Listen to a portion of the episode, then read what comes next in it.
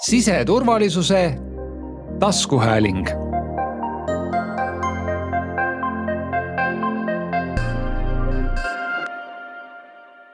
tere, kuulajad!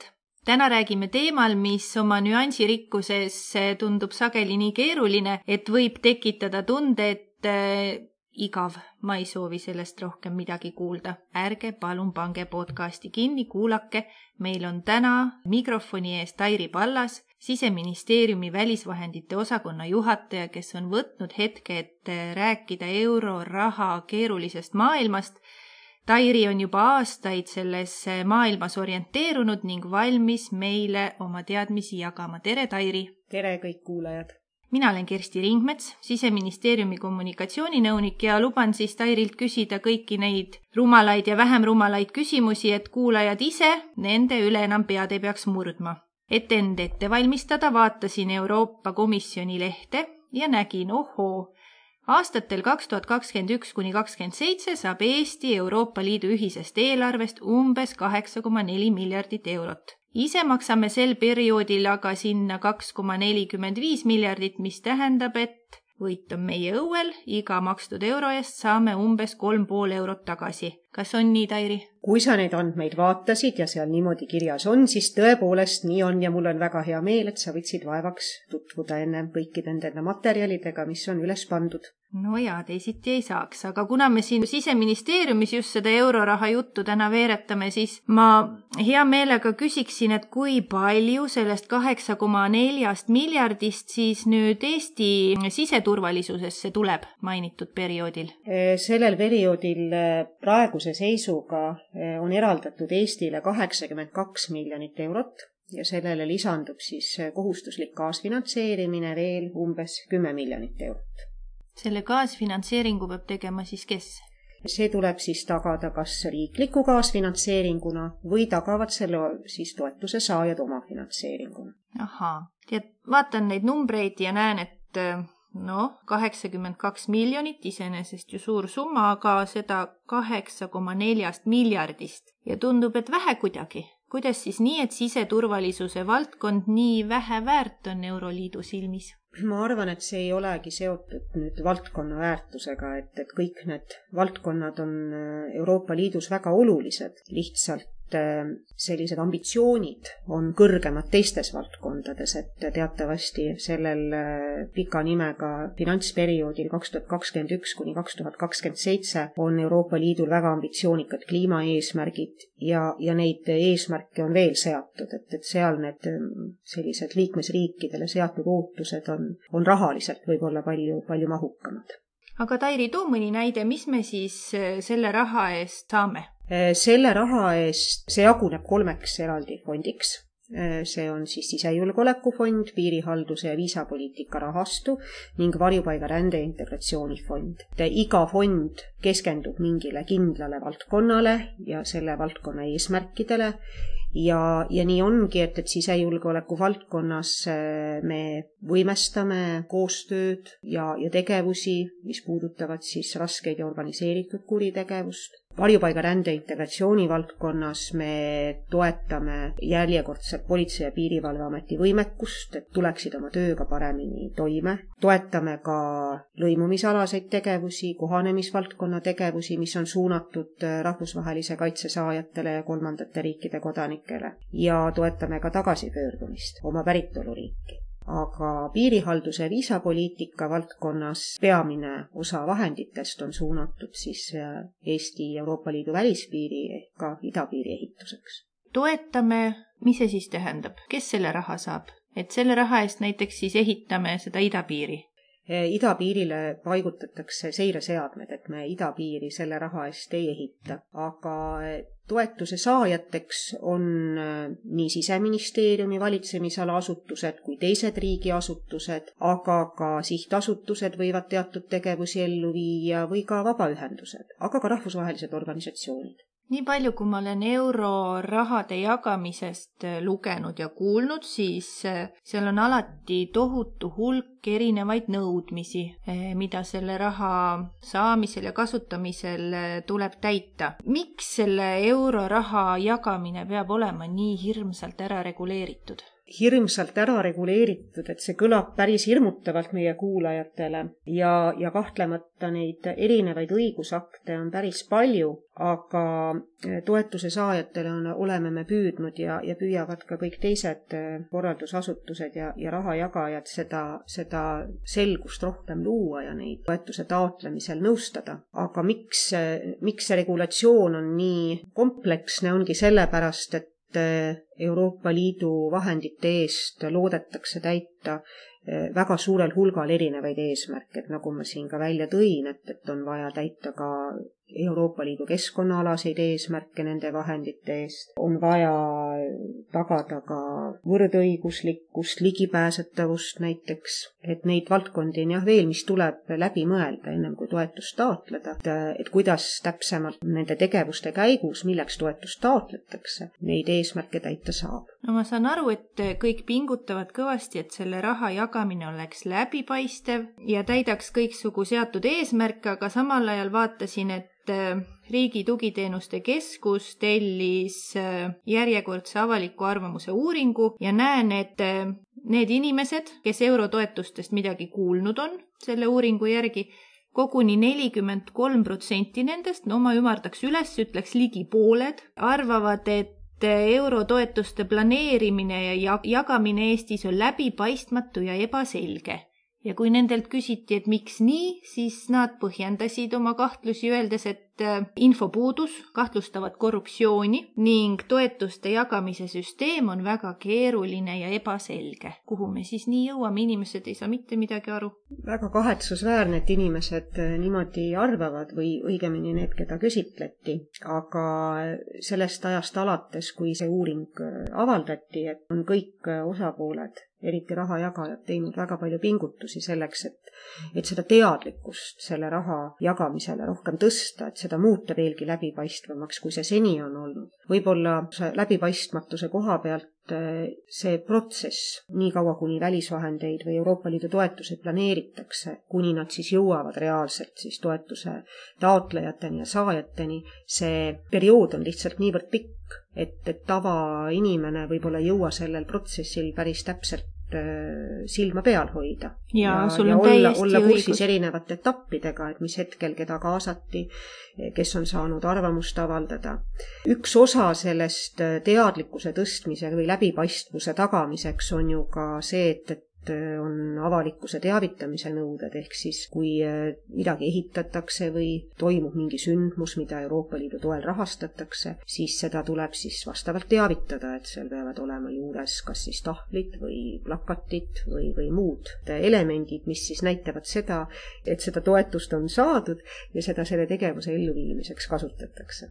Või sellepärast on need Euroopa Liidu lippudega tahvlid siis mõne maja seinal just sellepärast, et inimesed saaksid teada, et seda maja siis kas on ehitatud või renoveeritud Euroopa Liidu vahenditest või siis seda koolitust või mingisugust muud üritust äh, Euroopa Liidu toetusest ka ellu viiakse. sa mainisid, et et äh, eelarve planeerimise protsess on äh, pikk. mulle tundub, et äh, sa tabasid naelapea pihta, sest ma tahtsingi küsida, et mis lugu sellel Euroopa Liidul siis nende aastanumbritega on. ma saan aru, et täna, kahe tuhande kahekümne kolmanda aasta alguses me räägime perioodist kakskümmend üks kuni kakskümmend seitse, millestki, mis on väga uus. see on peaaegu kaks aastat juba käinud, see periood. ma isegi ei mäleta enam, kus ma puhkusel käisin kahekümne esimesel aastal, aga nüüd ma saan aru, alles tuleb mingi uus raha. Jah, nii on, et äh, Euroopa Liitu ja kõiki teisi liikmesriike ja kogu maailma tabasid erinevad erinevad äh, sündmused viimastel aastatel, siis kui see planeerimise periood äh, aktiivsem oli, et alguses koroona ja hiljem Ukraina sõda, selle tõttu osaliselt on ka viibinud nende rahade kasutuselevõtt sellepärast et Euroopa Komisjon algatas päris mitmeid meetmeid, mis, mis võimaldaksid siis liikmesriike abistada nii koroonakriisiga kui ka Ukraina sõja tagajärgedega toimetulekul. ja seetõttu selle nõndanimetatud uue perioodi ettevalmistamine ongi viibinud mõne aasta ja tegelikult, kui ma nüüd asja veel segasemaks ajan, siis periood on küll kaks tuhat kakskümmend üks kuni kakskümmend seitse, aga neid vahendeid saab kasutada veelgi pikemalt jah, ja nende viibimiste tõttu siis ongi praegust, me räägime, et, et hakkavad avanema kaks tuhat kakskümmend üks kuni kakskümmend seitse vahendit, sest nende vahendite kasutamiseks olevad rakenduskavad on Euroopa Komisjon alles möödunud aastal, möödunud aasta lõpus, kolmandas kvartalis heaks kiitnud. aga ütle oma kogemusest, kas selline pikk planeerimisprotsess tegelikkuses üldse õigustab ennast? Ei osanud keegi näha ette seda koroonat, ei osatud näha ette Ukraina sõda. Te olete võib-olla mitu aastat planeerinud hoopis muid tegevusi teha, aga nüüd oli raha vaja hoopis uutesse kohtadesse. no olemasoleva plaani muutmine on kindlasti parem kui see, kui plaani üldse ei oleks. ja eriti, kuna selle, selle vahendite kasutamise periood on niivõrd pikk, siis mingisugune plaan peab olema, mida ma pean siis silmas rakenduskava näol jah, nii on, et need ootamatused tabavad ja, ja noh, kriis ongi sellepärast kriis, et seda ei oska keegi ette ennustada ja oodata. aga selleks on jälle olemas äh, süsteemid, et kuidas on võimalik äh, seda Euroopa Liidu vahendit äh, või vahendeid suunata ja juhtida kriisist johtuvalt ja see on siis liikmesriigi valik, et kuidas ja kui palju ja kas ta seda teeb sind kuulates ma tahaks äh, tegelikult küsida natuke sealt rahajutu kõrvalt, et kes või kellega koos äh, leitakse eestikeelseid vasteid äh, kõiksugu Euroopa Liidu sõnavarale? Kõiksugu seire, rakenduskava, mis see rakenduskava on, see on see, mis me selle raha eest teeme, jah? jah, see on Meie selline, just, see on selline pikem plaan, kuidas me siis vastava fondi vahendeid selle fondi määrusest tulenevate eesmärkide täitmiseks kasutame. Seda nimetatakse siis rakenduskavaks, et see on termin, mida on Eestis väga kaua kasutatud, ta on meil juba juurdunud. see oli veel rakendusasutus, sinu jutust käis läbi ennem. Eh, rakendusasutus, rakendusüksus, korraldusasutused, need on kõik sellised ja nüüd kuulajad tähistavad... panidki selle podcasti kinni, aga kes veel kuulab, oodake, oodake, ärge veel pange. Kas, kas see tõlge, see on lihtsalt aastast aastasse nii olnud ja, ja need terminid tähistavad mingisugust rolli mis on erinevatel osapooltel siis selles Euroopa Liidu toetuste rakendamise süsteemis.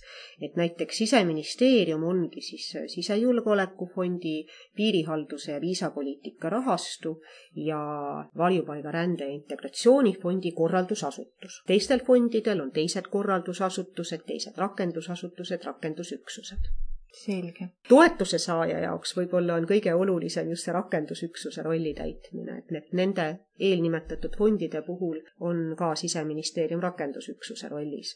aga teiste Euroopa Liidu fondide puhul on see siis enamasti küll Riigi Tugiteenuste Keskus, aga, aga teatud eri, teise valdkonna fondide puhul ka näiteks PRIA ja, ja Keskkonnainvesteeringute Keskus aga kes on siseturvalisuse fondidest peamised toetuse saajad?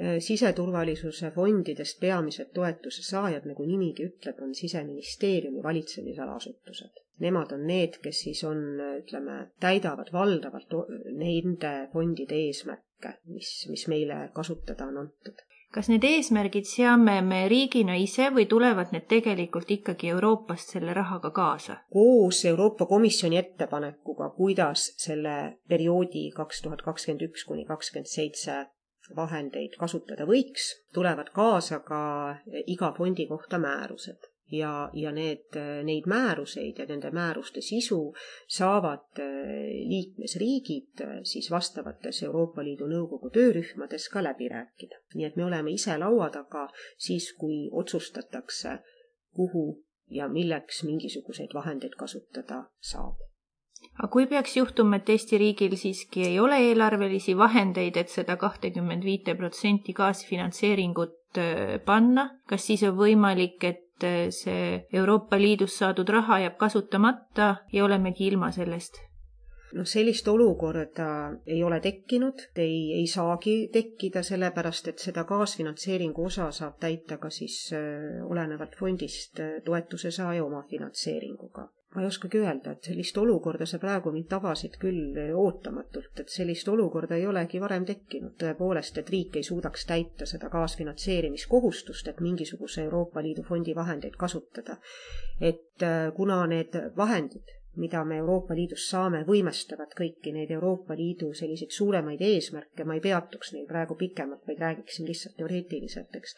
et, et kuna neid Euroopa Liidu suuremaid eesmärke just nimelt nende vahenditega aidataksegi täita, et siis äh, see on, riik saab võimestada oma tegevusi selleks, et jõuda kõikide nende eesmärkideni kiiremini kui ainult oma riigieelarvelisi vahendeid kasutades no loodame siis, et sellist olukorda tõesti ei teki kunagi. ahaa, vot enne ma küsisin, eks ole, sisejulgeolekufondi kohta. no tegelikult tahtsin küsida kõigi kolme siseministeeriumi hallatava fondi kohta.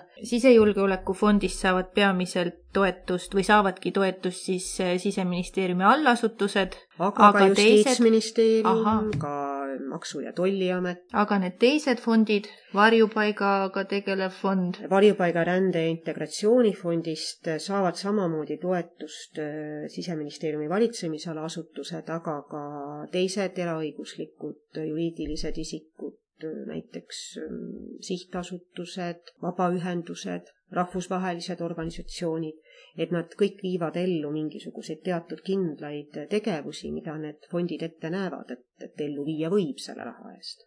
aga see raha saamine või toetuse saamine, see siiski käib niimoodi, et nad peavad seda ennem küsima? jah, selleks, et toetust kasutada, töötavad siis äh, ministeeriumid välja toetuse andmise tingimuste õigusaktid, need avaldatakse ja vastavalt sellele toimub siis toetuse taotlemine aga kus see sihtasutus äh, peaks teadma, et nüüd on õige aeg küsida, noh, ütleme siseministeeriumist äh, raha, noh, tegevuseks X, toetub äh, lõimumist? jah, selleks me kasutamegi kommunikatsiooniosakonna nõunike abi, et viia avalikkuseni seda teavet, millal ja millist liiki toetust nad, nad taotleda saavad.